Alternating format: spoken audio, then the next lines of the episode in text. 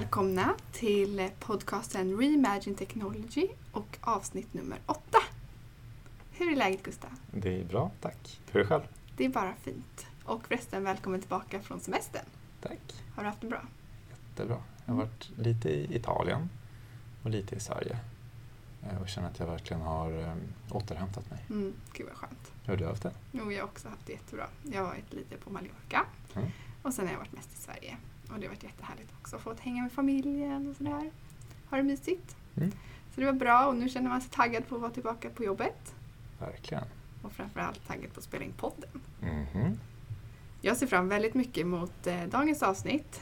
Eftersom vi ska träffa Kristoffer Kaltea, en kollega till oss. Och han ska ju berätta om peer-to-peer lending. Mhm. Och vi har ju redan fått ett litet eh, tjuv, eh, tjuvsnack med honom kan man säga. Eller han, innan sommaren så höll han ett tech-talk här på kontoret. Mm. Där han berättade om, eh, om det. Precis. Och det var så vi fick inspiration till det här poddavsnittet kan man ju säga. Mm. Och han är väldigt duktig på området. Han Mm. höll som sagt det här tech-talket och han har skrivit en uppsats om, eh, om ämnet. Mm. Ja, ska vi köra igång? Vi kör igång.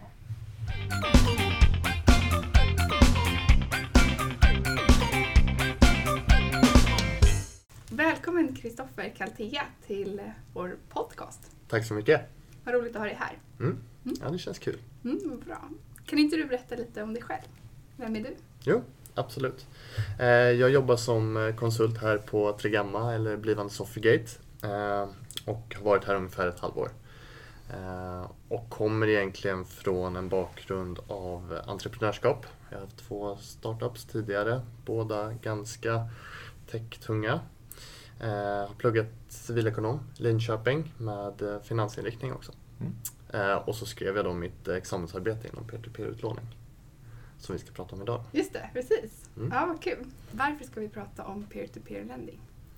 Ehm, Alltså peer-to-peer lending är ju ett ganska nytt fenomen som stör bankerna lite grann och sätter lite press på dem. Mm. Det här är ju ett helt nytt sätt att egentligen bedöma kredit, ska man säga, bedöma återbetalningsförmåga eh, och ge ut lån. Och man klipper ju helt ut bankerna ur det här, så det är ju destruktivt. Mm. Eh, Samtidigt är det ju, det bygger ju helt och hållet på ny teknik. eh, Vilket är någonting som, som vi här på Sofigate och Tregamma eh, tycker är superintressant. För, ja, kan du inte berätta lite mer om varför du Mm, kan eh, absolut. om det här? Eh, egentligen, idén föddes hos mig att skriva liksom om peer-to-peer-utlåning eh, efter att jag hade läst lite grann om att det hade blivit rätt stort i USA efter finanskrisen 2008. Eh, och att det hade hänt lite grejer där på en marknad som annars är ganska trött och trögrörlig. Eh, och det var väl entreprenören i mig som egentligen fick mig att komma in på det spåret. Sen gjorde vi eh, ett, vårt examensarbete då eh, och kollade på peer-to-peer-utlåning och förutsättningarna för det i Sverige. Mm. Så vi har eh, intervjuat de aktörer som finns här idag egentligen eh, och de som har blivit stora nu då, eller på väg att bli stora. Så det, det är väldigt intressant att följa upp det nu. Det var två år sedan ungefär, ska tilläggas. Okej, ja. Mm. Mm. Vad kom ni fram till? Får man fråga det? Eh, då kom vi fram till att det fortfarande var för mycket osäkerhet kring peer-to-peer-utlåning för att det skulle kunna på riktigt konkurrera mot, mot traditionell bankutlåning. Då. Eh, men vi kommer komma in mer på det Mm. senare. Mm. Bra. Ja, för kan vi inte, vi kanske ska ta det från början och liksom gå igenom lite vad, som, vad peer-to-peer-utlåning egentligen är för något. För den Eh, som lyssnar och inte kanske har stenkoll på det. Ja, det kan vi göra. Så peer-to-peer-utlåning det handlar egentligen om att utlånare lånar ut pengar till låntagare eller långivare till låntagare eh, direkt utan en intermediär. Så traditionellt sett är det ofta en bank som står emellan och står för någon slags säkerhet. Men peer-to-peer-utlåning vill ta bort banken ur ekvationen egentligen och göra så att om jag vill låna ut pengar så kan Gustav låna ut till mig, han kan hitta mig och låna ut pengar till mig. Eh, och när vi pratar om företag inom peer-to-peer-utlåning som, som erbjuder den tjänsten, så det de gör egentligen är att erbjuda en marknadsplats för lån. Eh, där långivare kan hitta en hel uppsjö av lån som de kan låna ut till. Liksom. Eh, Och privatpersoner kan ansöka där och lägga upp ansökningar. Så det är väl själva grundtanken. Eh, och från början så är, var tanken att en privatperson ska kunna låna ut till en annan privatperson. Och det var liksom peer-to-peer. Mhm, mm. Eh, och nu för tiden så pratar man mer om marketplace lending, alltså att det är en marknadsplats där ofta långivarna är institutioner eller professionella investerare. Det kan vara till och med banker som går in och investerar i privatpersoners låneansökningar. Mhm. Så Intressant. ja, verkligen.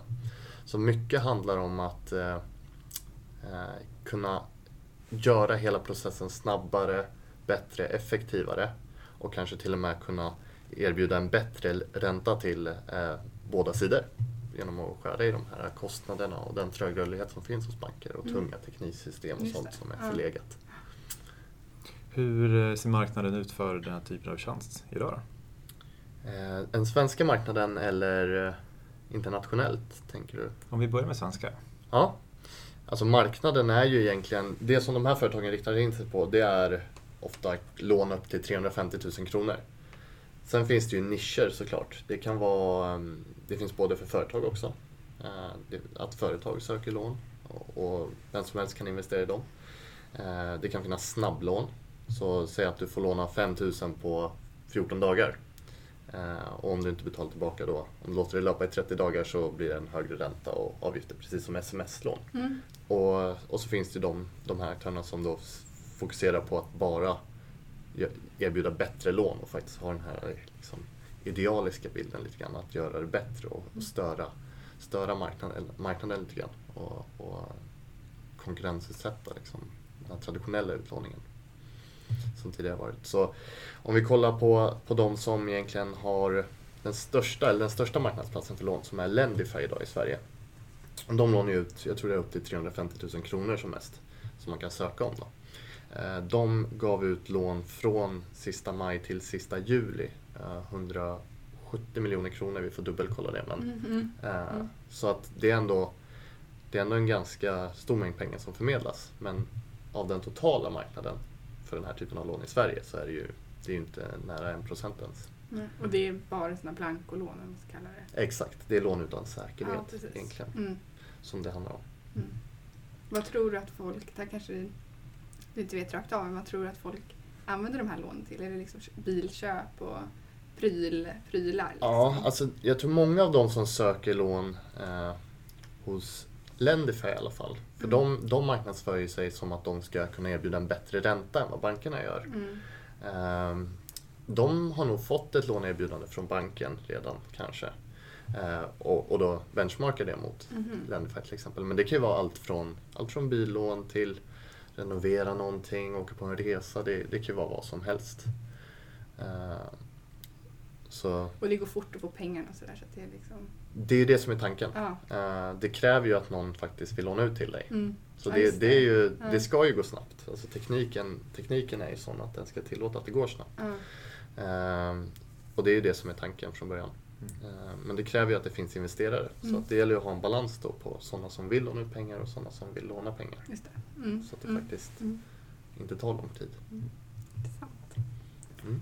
Men okej, men om vi går tillbaka till det här storleken i Sverige och. Alltså är det, en, det är en växande marknad eller är det bara några få stora aktörer eller hur, hur ser det ut? Ehm, ja, i dagsläget är det ju några få stora Några få, aktörer ja. egentligen. Eller stora, Stora kan man väl inte kalla dem Ja, ännu. Nej. Men, men up and coming liksom. Mm. Ehm, och du kräver ju numera tillstånd från Finansinspektionen för att få bedriva sån här verksamhet. Ja.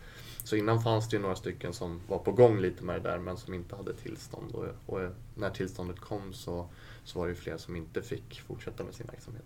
Mm, okej. mm. Så det är ju ganska reglerat nu då. Ehm, men eh, det har varit en hel del prat om det här i media eh, Ja, senaste tiden Mm. och det är, ju, det är ju hett liksom. Ehm, så, så jag tror absolut vi kommer läsa en hel del mer om det i framtiden också. Mm, mm. Spännande. Mm. Och om man tittar utanför Sverige då? Mer i Europa och i USA och sådär. Mm. I, globalt sett, är det, är större då? ja, det, det har ju blivit betydligt mycket större i framförallt USA och Storbritannien. Ehm, I USA finns det ju till exempel Lending Club som är den absolut största aktören. Då. Och de har gett ut lån värda 28 miljarder dollar eh, Mm. 26 eller 28 Ja, miljarder där dollar. någonstans. Exakt, Mm. eh, totalt sett. Eh, och det är, ju, det är ju betydligt mycket mer. Och det är bara en aktör. Så att där, där har det växt väldigt snabbt.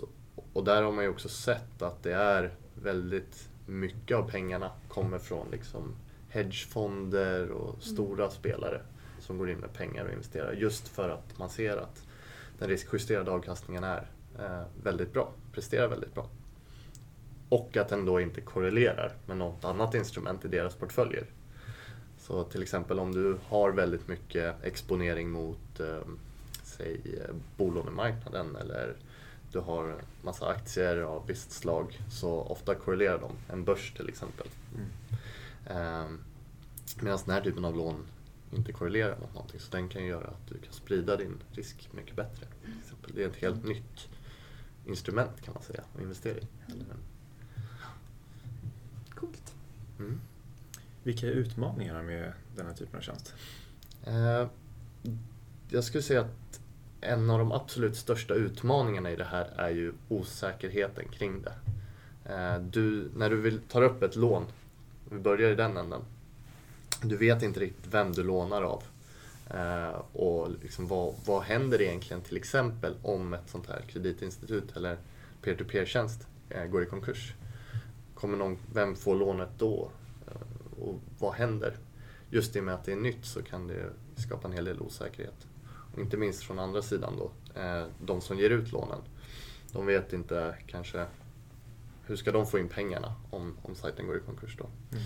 Eh, och samtidigt, du vet ju, du kanske inte ens vet vem du har lånat ut till. Många av de här som lånar ut pengar, de sprider sina, sprider sina risker väldigt mycket. Så om du har, säg att du är inne med en miljon kronor så kanske du har 10 000 olika lån, låntagare då, som du har lånat ut till. Mm. Eh, Så det är väldigt komplext med eh, vem som är, vem som är skuld till dig. Samtidigt så täcks man inte av insättningsgarantin eftersom man inte lånar ut till en bank eller någonting utan man lånar ut direkt till en person eller företag. Just det. Eh, Så att där finns det en hel del eh, osäkerheter och det måste man ju komma runt på något sätt.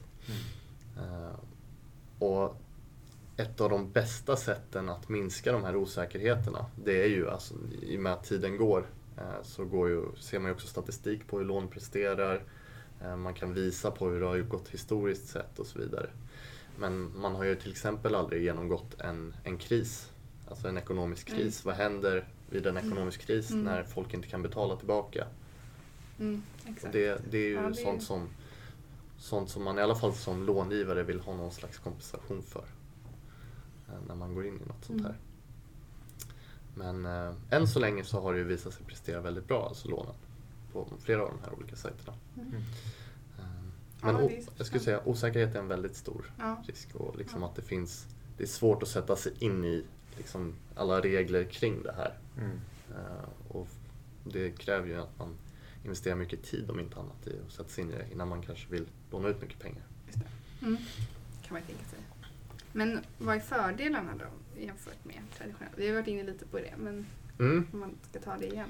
Ja, eh, många Eh, tycker ju att bankutlåning generellt sett, eh, jag också, kan tycka att det är lite trögt. Det tar lång tid, ofta ska du fylla i papper och så vidare och det ska pratas med din personliga bankman och så vidare. Stor fördel i peer-to-peer-utlåning är ju att du bygger på ny teknik. Liksom. Det ska gå snabbt, du kan erbjuda liksom, slutanvändaren en mycket bättre upplevelse. Eh, du kan få svar direkt och i många fall betalningen väldigt snabbt också. Sköta allt via någon liksom, digital legitimation eller till exempel mobilt bank-id. Mm. Eh, Så den sidan, där finns det en enorm fördel. Eh, Du har inte de här gamla tröga systemen som bankerna sitter på idag, liksom all den här legacyn. Mm. Eh, För det andra då så, så är det ju själva kreditbedömningen. Så dels har vi den här användarupplevelsen Mm. och sen så har vi själva kreditbedömningen. Då. Och det är ju också någonting som, som är en stor konkurrensfördel. För i och med att de här nya peer-to-peer-aktörerna då, de använder sig av någon, alltså ofta automation, artificiell intelligens och nya algoritmer liksom för att göra kreditbedömningen. Eh, Banker har ju byggt väldigt mycket på till exempel personlig relation. Alltså att du har en bankman, han känner dig, du har varit kund där väldigt länge så han vet så här. Det här är en bra kund, jag kan erbjuda honom en bra ränta. Mm. Ehm, och nu för tiden så kanske man har flera olika banker eller man byter banker ofta. Så är du ny på en bank då måste ju de samla in information om dig. Vem är det här egentligen? Har han bra återbetalningsförmåga? Då använder ju de sig ofta av eh, liksom, UC i Sverige och gör liksom en kreditupplysning. Samlar in informationen på det sättet. Om man inte har någon historik hos den nya banken. Då. Ehm, peer-to-peer-aktörer använder sig av nya sätt att göra det här på. Eh, Dels så kan de använda sig av något som heter Bank Account Scraping. Och det, det tror jag är någonting som även eh, banker kommer kanske börja jobba med. Då, att man godkänner att peer-to-peer-aktören går in och kollar på ditt bankkonto, sparar transaktionerna som har gjorts på dina bankkonton och kör en ganska tung analys av dem. Mm. Och försöker hitta mönster i det. Liksom, hur mycket pengar finns det kvar i slutet av månaden? Hur mycket pengar läggs på spel kan det vara? Eh, tobak, och försöker hitta liksom Genom att samla in all den här informationen så kan man ju också dra liksom, slutsatser eh, Mm. för att se hur har folk som köper mycket på Systembolaget, hur mycket har de liksom, presterat sina lån? Har de betalat av bra? Liksom? Man kanske kan hitta sådana grejer. Mm. Eh, och det är rätt häftigt. Mm. Ehm, dessutom så kollar de på nya moderna sätt. Till exempel de kan kolla på LinkedIn och se vad man har för jobb, se vad man har jobbat med tidigare. Eh, de kan kolla på Facebook och se olika mönster där. Så att det finns väldigt mycket och de kan stämma av grejer. Liksom, ja, har den här personen verkligen det här jobbet som den uppger i sin låneansökan? Kan man stämma av det kanske mot LinkedIn? Något annat liksom. Så att man använder verkligen eh, flera olika inputs för att göra kreditbetyget. Och på sikt så kommer ju det kunna, kunna ge en mer precis bedömning av återbetalningsförmågan. Mm. Antagligen. Mm. Mm. Men Lite det, skrämmande också. ja, Att de kan se så mycket om en. verkligen. Eh, det, det är ju någonting som kan vara lite så som man kanske kommer behöva tänka på i framtiden då. Ja, ja. Att, eh, ja, ska jag verkligen köpa, köpa det här med det här kortet eller ska jag försöka dölja det för min bank för att ha ett högre kreditbetyg? Mm. Det. Eh, Så det, det är lite spännande Ja, faktiskt. Just det. Och kan ju vara både bra och dåligt. Då. Mm. Precis. Men kommer det här eh, slå ut vanlig bankutlåning? Eller finns det någon slags, alltså Nej. kan de balansera? Ja, jag, olika jag tror verkligen inte... Det här nu är det ju ren spekulation här. Men, eh, men jag tror verkligen inte det, det är på den nivån att det kommer kunna slå ut det. Utan det här blir nog, enligt, enligt min i alla fall uppfattning, kanske en, en typ av nisch. Eh, och som jag sa tidigare, det kan ju vara ett instrument för investerare att, som de vill investera i. Och därför kanske man kan erbjuda en ganska bra ränta till låntagaren också. Eh, Men det jag tror kommer hända det är att de här algoritmerna, sättet att bedöma kredit på, de kommer antagligen finnas tillgängliga för banker också. Mm. Alltså, det kanske inte är just en peer-to-peer-aktör som utvecklar en algoritm och sen sitter alla peer-to-peer-aktörer på varsin. Utan istället för att vi har UC idag som gör en kreditupplysning så kanske den kreditupplysningen man köper in liksom är smart, liksom Mm. modern. Mm. Så jag tror snarare vi kommer gå mot det, att bankerna kommer kunna använda sig av bättre sätt att göra liksom, kreditupplysningar på. Eh, och sen i framtiden så tycker jag också att de, de kan behöva bättra sig lite i, Mm. liksom, när det gäller kundupplevelse och liksom service på den. Alltså att det ska gå snabbare och vara modernare. Men jag tror mer att det kommer gå mot det, att man, man har någon, liksom, någon som är duktig på själva kreditmodellen och sen flera som använder sig av den för att leverera tjänster kring det.